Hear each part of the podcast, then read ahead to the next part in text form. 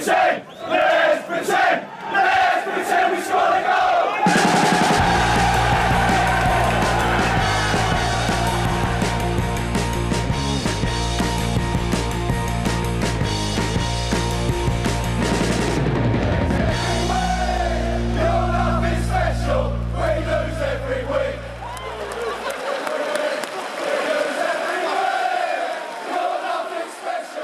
Sportbladets Premier League-podd.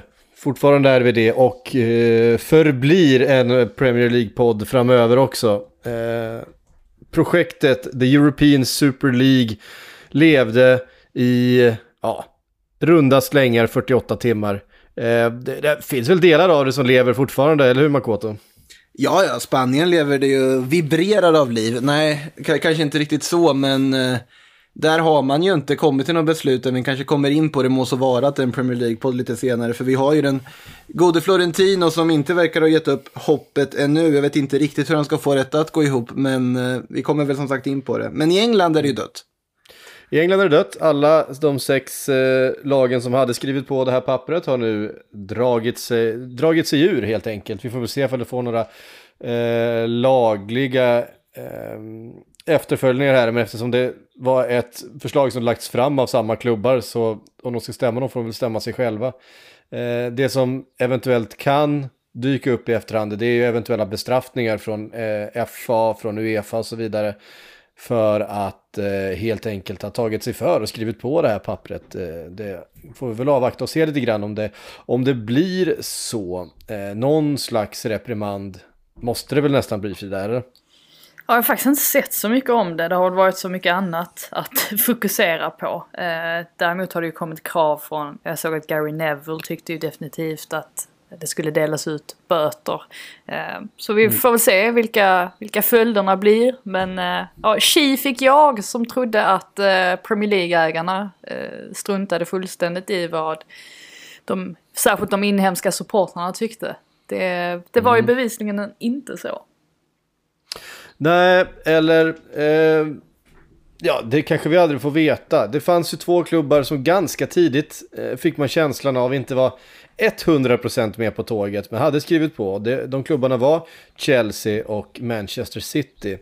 Eh, och det är ju så, som vi var inne på lite grann i vårt eh, avsnitt i eh, eh, igår. Var det igår? Ja, igår.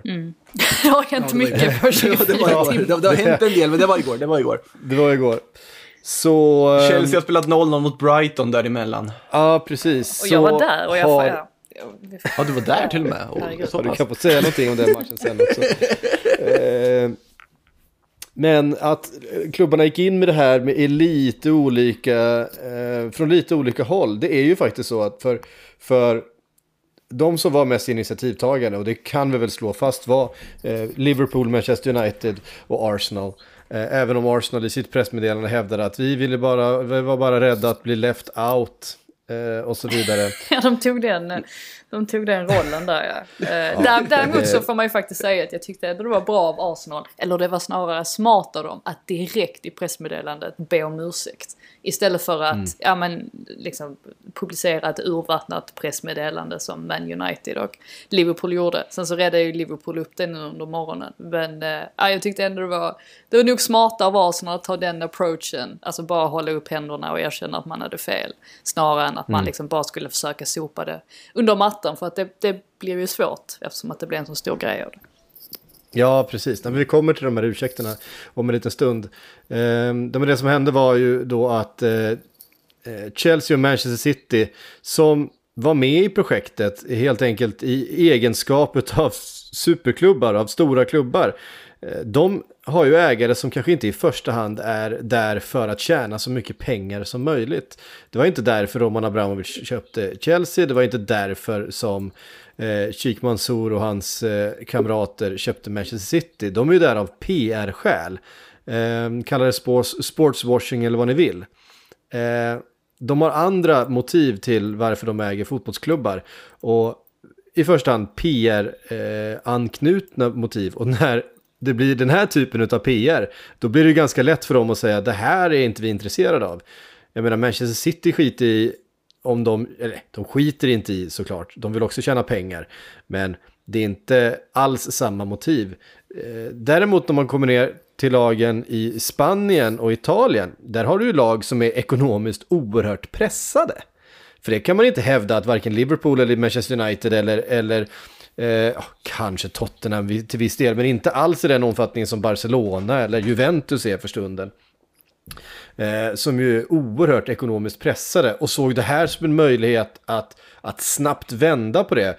Eh, den situationen som man har svårt att se en väg ut ur eh, för stunden. Även här fanns liksom någon slags livlina. Ehm, så att det var väldigt olika ingångsvärden och det har påverkat lite grann hur kommunikationen har skett. Chelsea var de som först eh, annonserade att de skulle dra sig ur. Manchester City kom strax efter. Båda två, det kom ganska snart där. Eh, måndag eftermiddag kväll någonstans började ryktena. Men faktiskt redan, redan på, på söndagen fanns det rykten om att eh, det var de två klubbarna som var minst helhjärtat eh, i, i projektet ja. om man säger så. Jag, jag, tror att Pep Guardiola hade stor del i det också. Eh, att han gick ut och så tydligt tog avstånd från en stängd liga. Eh, det var ganska hårda ord ändå. Eh, och han var ju väldigt tydlig med vart han stod i frågan. Jag, jag tror att det kan ha mm. påverkat mm. Manchester City ganska mycket också för att Pep Guardiola är ändå, han är trots allt Pep Guardiola, väldigt värdefull för dem. Och samma sak då med, med Johns eh, eh, ursäkt här under morgonen eh, till Jürgen Klopp visar ju också att de har, eh, de har ju stor respekt för de tränarna såklart och, och vad de tycker. Mm. Mm. Och sen är det ju så här, när en sån här utbrytning sker, eh, faller en så faller alla. De klarar sig inte utan, alltså redan det att, att Bayern München och PSG inte, inte skrev på det här pappret, det var ju på något sätt, det var första spiken i kistan på något sätt.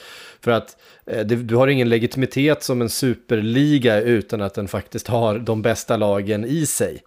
Um, då blir det bara en, eh, ganska snabbt en väldigt urvattnad produkt. Och har du dessutom ett, eh, en PR-uppförsbacke likt den vi såg i söndags, som väl inte liknar någonting annat man har sett tidigare, eh, då blir det ett omöjligt projekt. Och det, det, de följer ju en efter en här under, under måndagskvällen. alla de engelska lagen som... Eh, ja, Tisdagskvällen menar du va? Under tisdagskvällen, jag rör ihop mina dagar här. Ja, jag köper det helt att du gör det, men det... Ja, ja. Eh, under tisdagskvällen. Eh, men turades ju om att skicka ut pressmeddelanden där de, där de eh, tog avstånd från det här, eller i alla fall sa att eh, det här kommer inte bli av. Vi såg också en, en, en enad eh, ehm, sociala mediekampanj, sociala mediekampanj från Liverpool-spelarna till exempel. Eh, under någon slags ledning av Jordan Henderson, eh, får, man, eh, får man anta. Han är han är ofta eh, i centrum för sina saker. Han kallade ju också de övriga lagkaptenerna i, i Premier League. Eh, alla 20 kallade han till ett, eh, till ett Zoom-möte under måndagskvällen. Eh, förlåt, tisdagskvällen. Ja, eh, jag kommer säga fel på de här dagarna hela tiden. Nej, det, det, jag, jag, jag, har, jag har gett upp. För mig har det redan hänt i måndag nu istället. Det... det är onsdag idag, ja. Just det. Eh, ja, det är oerhört rörigt. Jag känner igen mig så oerhört mycket och, i det här. en, en, en efter en så föll de, eh, helt enkelt. Och, och, det var ju helt enkelt en, eh, en respons från supportrar, eh, från de egna anställda, alltså tränare och, och, spelare, från media och från folk eh, runt omkring som de helt enkelt inte hade räknat med. Eh, jag tror att man kan dra det så enkelt. Eh, I PSGs fall så hade de andra skäl till att inte skriva på det här. I Bayern Münchens fall så tror jag helt enkelt att de begrep. De begrep att det här var inte, det här var inte rimligt, det här var inte bra. Ehm, de förstår fotboll mycket bättre än vad ägarna i, i eh, de här Premier League-klubbarna gör. Eh, för där tror jag att vi har det största problemet. Mm. Alltså det finns ju också solidaritetstänk i Tyskland som inte finns i de andra ligorna. Bara titta på ja, hur de tyska ju... klubbarna gick ihop under pandemin och hjälpte hela seriesystemet. De har ju dessutom inte ägare på det sättet. De har ju en 51%-regel så att eh, de är ju medlemsägda eh, på ett annat sätt än eh, såklart än vad, vad Premier League-klubbarna är, men också på ett annat sätt än vad, vad de spanska klubbarna är. Men är man, där de har. men är man inte mest, eh, mest chockad över inkompetensen ändå kring hela det här projektet? Att man inte ser till att göra det totalt vattenfast. För jag tänker Mm. att visst det finns säkert många anledningar till att PSG exempelvis valde att inte blanda sig i. Och ett av dem är väl att de har ju väldigt goda relationer till Uefa och kände väl att det inte var värt det. Men man blir ändå lite förvånad över att de inte såg till att det här är ju någonting som har som har jobbats på i, i flera år. Att de inte lyckas få till en, en plan som faktiskt fungerar eller håller längre än 48 timmar. Ja, Jag blir, jag blir förundrad Men över här- naiviteten. Här tror jag att det har väldigt mycket att göra med, alltså just det som Psyko var inne på lite här, motivationen till att gå in i projektet. Florentino Perez har planerat det här i två år om man ska tro hans egna utsagor. Han har sett att den här, de måste göra någonting för att rädda klubbens ekonomi. Vi ska komma ihåg att när han kom in första sessionen i Real Madrid efter Lorenzo Sanz, eh, då var ju Real Madrid ekonomiskt i spillror. Då gick det att eh, sälja lite träningsanläggningar, köpa Luis Figo och det var en annan typ av marknad där, som Perez själv sa då, att de dyraste spelarna är de ekonomiskt smartaste. På ett sätt i PR, sett i hela det här Galactico-stuket som man då byggde. Då kunde han ingenting om fotboll heller. Eh, nu så måste han på något sätt rädda Real Madrid ur en ekonomisk knipa ännu en gång. Och då är det väl det här han på något sätt såg som lösningen. Barcelona, ja, de, de behöver ju också pengar. Juventus behöver pengar. Premier League-klubbarna behöver inte i, överlag i grunden så mycket pengar. De har det ganska gott ställt, men där fanns det ägare som var intresserade av att tjäna en extra hacka och vara med i liksom, superligan med alla stjärnor. Det kan väl inte vara dumt, tänkte ju de. Eh, sen är ju då, dock att de förväntar sig såklart inte supportertrycket. Nej men är, Samtidigt är, finns är, det ju inte det, uppgifter. är inte det naivt? Det är det jag menar. Jo, är inte oerhört. det naivt att, att, Ja, men- att, och, och att inte ens, att bara ducka för allting. Man, man lägger ut de här pressmeddelandena på söndag kväll och sen så går man hem i stort sett och, och så tänker man inte mer på det. Och så inser man dagen efter att helvetet är löst. Det är det jag, Ja. det är det jag ställer mig. Alltså naiviteten ligger ju hos eng- engelska, alltså Premier League-klubbsägarna som väljer att hoppa skepp så fort de får möjlighet. Eh, och hos Real Madrid och Barcelona och så vidare som också förväntar sig att de här ska hålla sitt ord.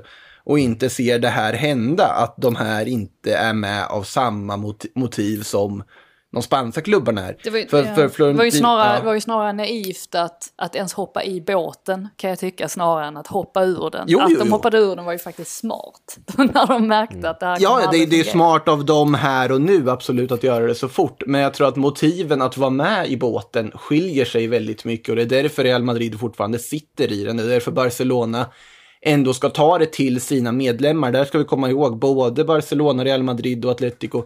Det här är medlemsägda föreningar. Det är ideella föreningar på pappret där medlemmarna röstar fram en ordförande.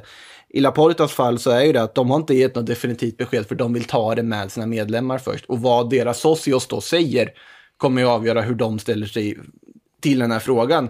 I Real Madrids fall har du problemet att Florentino Perez är en ensam diktator, vet jag inte, han är ju ja, vald inom citationstecken, men han har ju ett otroligt förtroende hos Real Madrid. Han har Madrid-medierna med sig på sitt hörn. Det finns en anledning till att han sätter sig just El Chiringuito för att dra sitt försvarstal. Eh, de satt ju mer och var förbannade på liksom de engelska klubbarna för de hade hoppat av projektet och inte trott på den gode Florentino. Eh, det har varit en helt annan typ av rapportering i Spanien angående det här. Men på något sätt så känslan här är att han har gjort väldigt mycket. Allt Florentino Perez har gjort har ju varit i Real Madrids bästa. I det här fallet så har han ju flugit för nära solen när han plötsligt också försöker rädda fotbollen i hans ögon då. Han flög för nära och jag vet inte om hur han ska repa sig från den här PR PR-fiaskot på alla sätt och vis. Om det, är, om det är någonting som Florentino Perez inte är van vid så är det ju fullkomliga PR-fiaskon. Nej. Eh, och det här är ju, är ju väldigt intressant, för det här handlar ju om eh, motiv, om kultur och eh, de här olika klubbarna. Att, att, att motståndet blev unisont, det, det råder ju ingen tvekan om. Jag har aldrig, det, vi har aldrig upplevt något liknande helt enkelt. Det fanns, inte en, det fanns inte en människa som på riktigt var för det här projektet, som tyckte att det var en bra idé, förutom just de här fåtalet ägarna och Alexi Lalas. Eh, notera, amerikan. eh, nej, men det som blir så uppenbart och det som förvånar mig och det som... Eh, för det är två saker. Det eh, John, John Henry, Glazers, Kroenke. Eh, det, de, det de uppenbarligen inte har begripit är att de har inte köpt en idrottsförening. De har inte köpt in sig i sport. De har köpt in sig i kultur. Och med kultur kan man inte göra vad man vill. Det går inte att bara flytta på eh, det som eh, är, är, riktiga relationer, det som är riktiga känslor, det som, det som finns ingrott i människors liv i generationer. Du kan inte bara göra vad du vill med det. Och det spelar ingen roll om du tekniskt eller lagligt kan göra det, för du, du kan liksom inte lyfta ut det ur sitt sammanhang. Eh, och det hade de inte förstått. De hade inte begripit vad det var de köpte. Och det förvånar mig och det säger någonting om den oerhörda arrogansen eh, inför vad det är de har köpt. Att de inte har fattat det efter alla de här åren.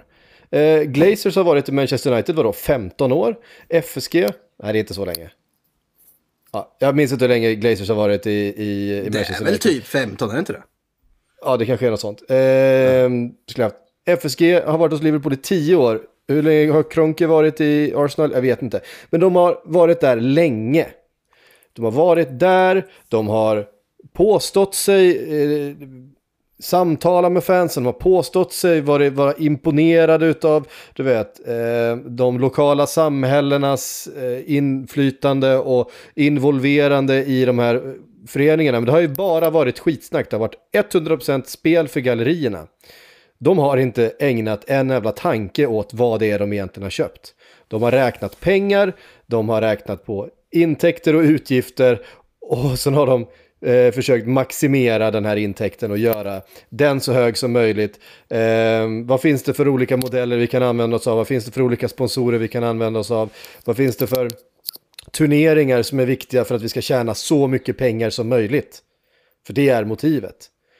Eh, och den arrogansen, att man inte begrep det, att man då blir tagen på sängen av den här re reaktionen. Eh, den tyder på en, en, eh, en distans mellan de här ägarna och klubbarna som de äger. Eh, och det som inte finns mellan klubbarna och fansen, det är distans. Det är, det i alla fall förhoppningen eh, att det ska finnas så lite distans som möjligt mellan klubben och supportrarna.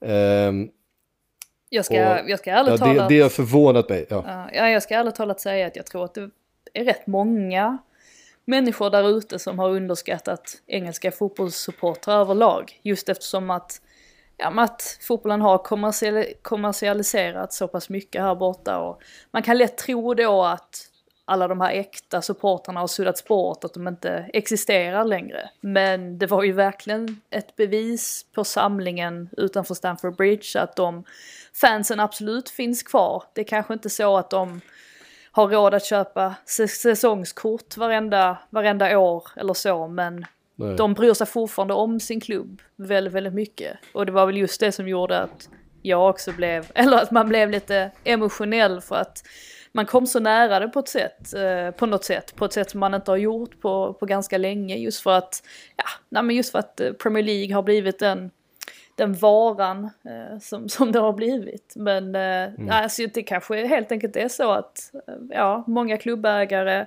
underskattade kraften hos supporterna men det kanske var så att vi, vi alla behövde bli påminda om vilken kraft den faktiskt kan vara, även här borta, trots att situationen mm. är, eller att modellen ser ut som den gör. Och, och, det är ju det som då blir den stora skillnaden, därför att de här ägarna inte begriper kulturen, de begriper inte vad det är de styr över, så är gör ju faktiskt Florentino Perez det, så gör ju faktiskt Agnelli det. Eh, de jobbar ju nära fotbollen, de kommer ifrån fotbollen. Eh, de, de vet exakt vart de sitter någonstans.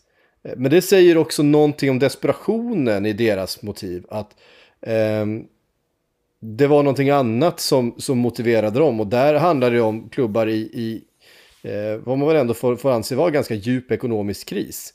Där de såg det här som en möjlighet att kanske rädda den. För att eh, de kan ju inte ha blivit förvånade över den här reaktionen. Eh, för eh, jag tror varken Perez eller Agnelli är, är, är korkade. De är inga ointelligenta människor. Och de lever, de lever i den här fotbollsvärlden. Eh, på ett sätt som de här Premier League-ägarna inte alls gör. Så att, alltså, eh, Agnelli är väl i och för sig lite gränsfall. Han har väl varit eh, suttit någorlunda svajigt i Juventus ögon ett tag nu sett till alla möjliga beslut. Men samtidigt, jo, samtidigt liksom grundpoängen är ju ändå densamma. Sen är ju också intressant att, alltså det har inte varit några ramaskrin i Spanien. Alltså, förutom de andra klubbarna. I Real Madrid-lägret har det inte varit ramaskrin utan mer man väntar på att se vad Florentino ska hitta på, vad det här är för någonting. Lite så här nästan läskig uh, övertro på uh, chefen där.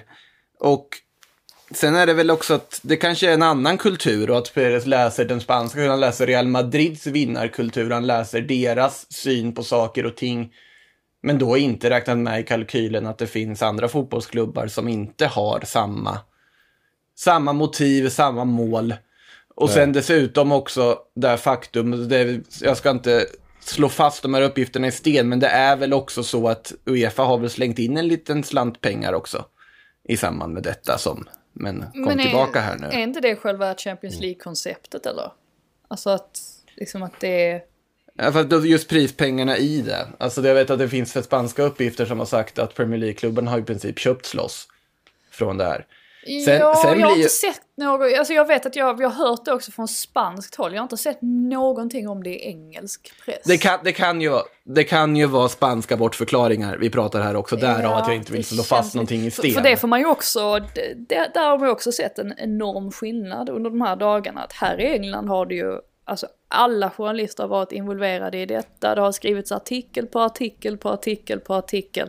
Och de flesta väldigt kritiska ju gentemot det här. Det är inte många, mm. det är inte många artiklar som har, um, ja det är väl klart att alltså, många av dem har ju varit neutrala på så sätt att de har bara försökt um, ja, men berätta själva storyn. Men ja. uh, det har ju varit, uh, ja alltså det har ju varit, det har ju lyfts på ett betydligt mer, um, på ett hårdare sätt så att säga. Jämfört med då Spanien som du, som du nämner här, mm. det är mm. också väldigt intressant.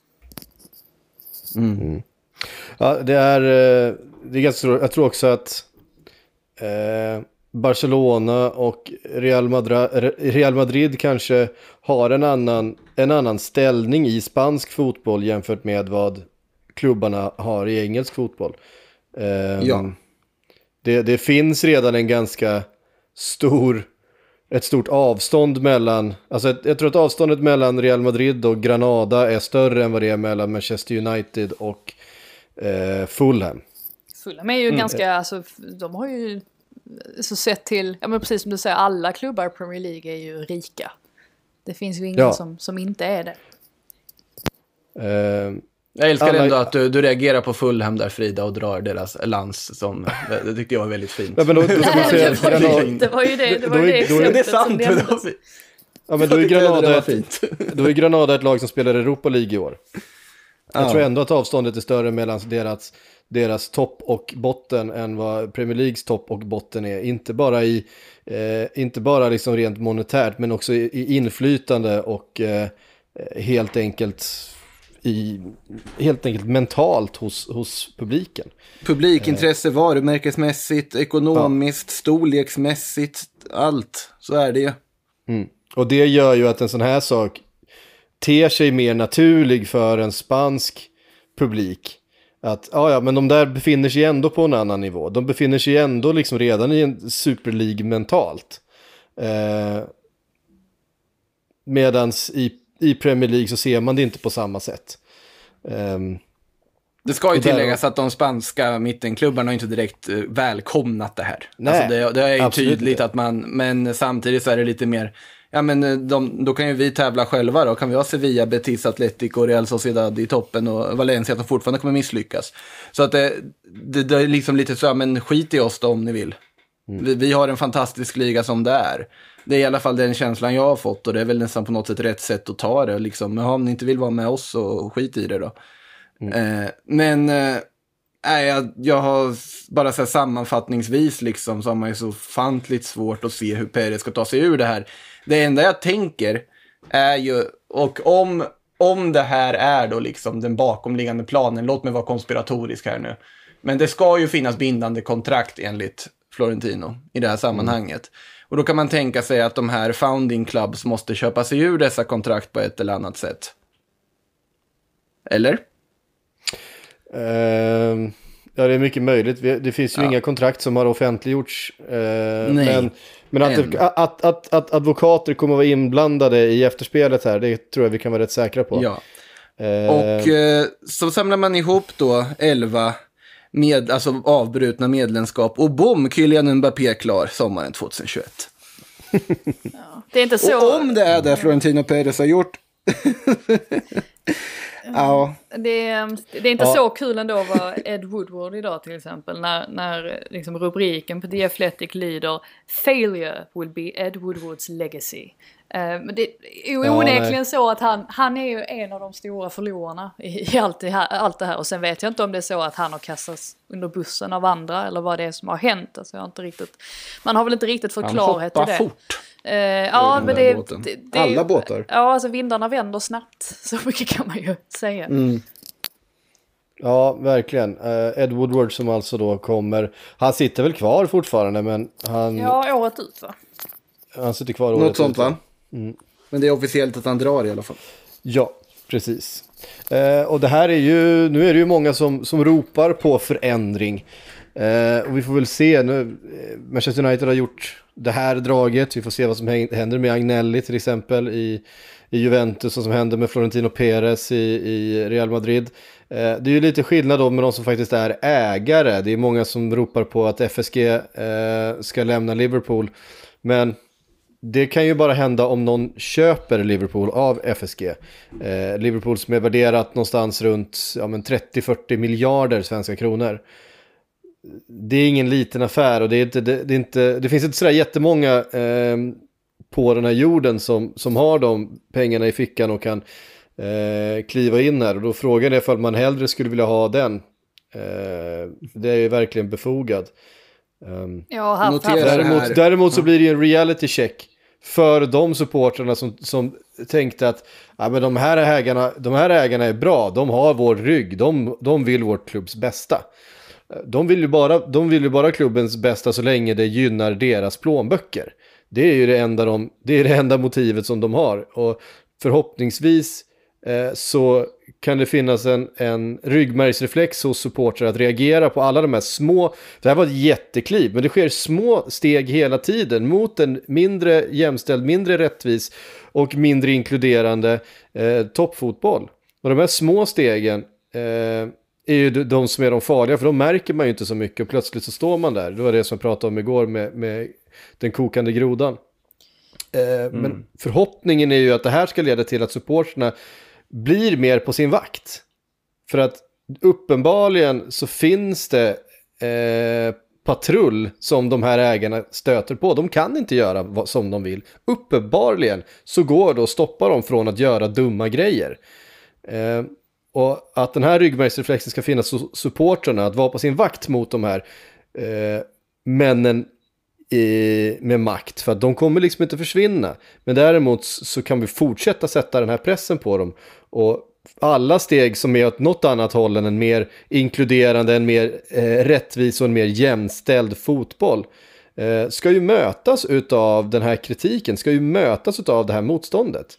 Det är ju det man hoppas. Eh, och sen, jag menar, Uefa och Fifa ska ju liksom inte heller få gå ur den här eh, striden som några segrare, som några garanter för fotbollens eh, liksom, rättvisa framtid. Det är ju fullständigt vansinne. Nej, den nya Champions League som de föreslår nu, den är ju den är ju ungefär samma sak som den jävla Super League. Jag, jag tycker ändå man får skilja lite på, eh, för att jag har sett att vissa tycker att genom att hylla att eh, supporterna och andra mäktiga röster, jag tycker absolut inte man ska underskatta sådana som Gary Neville och Jamie Carragher här borta. De, de sitter på otroligt mycket makt.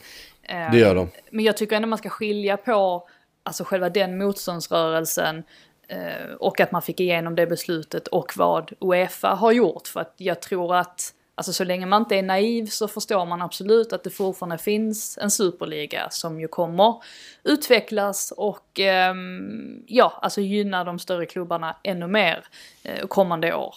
Men jag tycker ändå att, att det är viktigt att se att man lyckades faktiskt få igenom en förändring. Alltså det, det är det för mig som är egentligen häpnadsväckande. Att jag har liksom gått runt och trott att fotbollssupportrar och andra mäktiga röster inom den här sporten, trots att de inte har speciellt mycket makt. Men det här är ju verkligen, det här är ju verkligen motbevisat och det gör ju också att man känner att ja men då kanske det kan ske ännu mer förändring framöver. Mm. Jag menar Qatar, det är ju ett, ett och ett halvt år dit. Tog det 48 timmar och, och rasera det här så borde man väl kunna få, få igenom en förändring där också. Att jag, jag tror att det väcker en sorts um, ja, att folk, folk börjar tro helt enkelt på att man kanske inte har förlorat den här sporten för länge sedan. I alla fall, eller trots allt. Nej, eh, nej. Så att det, det, är väl det, där tycker jag ändå att man måste liksom, man måste skilja på de två sakerna helt enkelt. Man kan fortfarande tycka att Uefa är, är stora bovar och ändå tycka att det här var någonting fantastiskt som, som skedde under galan. Mm. Med risk Ja, men att vara verkligen. cynisk här, men alltså det är ju även om det är så att grodan inte är kokt så simmar den ju fortfarande. Men, Ja, visst. Men vi får fortfarande se den simma. Och bara det är väl någonting värt att fira. Helt Eh, otrolig och- meta- metafor. Jag är så trött faktiskt. Jag har sovit typ så här fem timmar. Så att höra dig dra en sån metafor. Jag fick ju liksom. Alla, alla hjärnceller fick jobba till max där. Men ja, jag tror jag förstår ungefär. Ja, jag bara, Ja. du är på psyks metafor. Ehm, det är... ehm, ehm, vad fan var det jag skulle nu?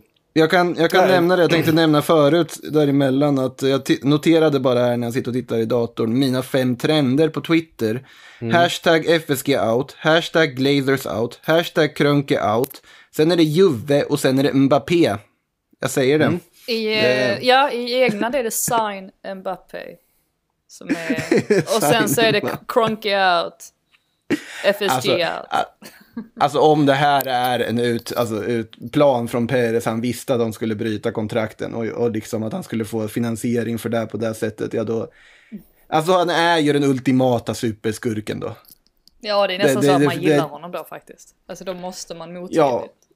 gilla honom. Motvilligt ändå accepterat. Vilket geni. Ja, Ja, äh, han är ju han är Kim Jong, Kim, Kim Jong Peres, det har vi. Eh, han har inte ballat ur på ett tag, så på så sätt så är det lite så här befriande. Han har ju varit så ordningsam och liksom ansvarsfull senaste åren här med liksom inte värvat och hållit på. Så det är nästan lite uppfriskande att han ballar ur och blir hatad av en hel fotbollsvärld igen. Det var ett tag sedan. eh, han har det i sig. Ja, ja, det har han. Bevisligen fortfarande. Ja, men som sagt, det, det, det mm, finns mycket kvar att säga om, eh, om det här, men eh, det blir i alla fall ingen, ingen European Super League och det är vi väl väldigt tacksamma för. Eh, Milan ut officiellt också nu, mitt under inspelning här. Ja. Eh, och det var, ett, det var ett vansinne från början. Eh, och någonstans så, nej men förhoppningen är ju att, att det här ska ge supportrar och alla röster runt omkring, alla röster som vill något bra, som vill röra, alltså som vill flytta fotbollen i rätt riktning. För det är uppenbarligen så att, att de med eh, den monetära makten inte är intresserade av att flytta fotbollen i rätt riktning utan flytta den någon helt annanstans. Eh, och att supportrar eh, i första hand som, eh, som vill någonting annat faktiskt tar med sig den här segern och bygger på den och känner lite råg i ryggen eh, inför framtida strider. För att det här, det här är liksom inte, det här är inte sista striden vi kommer behöva ta om, om eh, vår idrott, så är det ju bara. Eh, hörrni, vi ska, vi ska lämna er där. Vi eh, eh, ska låta Frida gå och lägga sig och sova en stund. Eh, och så... Jag har jättemycket att eh, göra. Ja, Funde, fundera över grodmetaforen ett För, tag. för ni, ni, får inte, ni får inte glömma heller att eh, en viss Mourinho fick ju sparken för två dagar sedan. Så dit ska jag snart och titta på när Ryan Mason leder laget mot nya framgångar. Mäktigt. Ja, Kul! Nu ser man ju faktiskt fram emot det. fina, fina Ryan Mason ändå. Ja, verkligen. Eh, men man känner oerhörda sympatier för honom, i alla fall jag. Det gör man. Hur såg Chelsea ut då? Det har vi glömt nämna. Ah, det var inte bra. Ah, Okej. Rött, rött kort på Ben White också. Ja, precis. Men det var bara precis i slutet va? Ja, Ja. så det var Ja, det. jag Två, såg- två gula. Ehm, ja, nej, det, det, men men topp 4-striden lever ju då på två sätt. Dels så lever den igen och dels så, dels så lever den rent poängmässigt också fortfarande. Eh, hörde ni, vi kommer fortsätta prata om det här och efterspelet, eh, slutelvan om ett par dagar. eh, men härifrån just nu så säger vi på återhörande.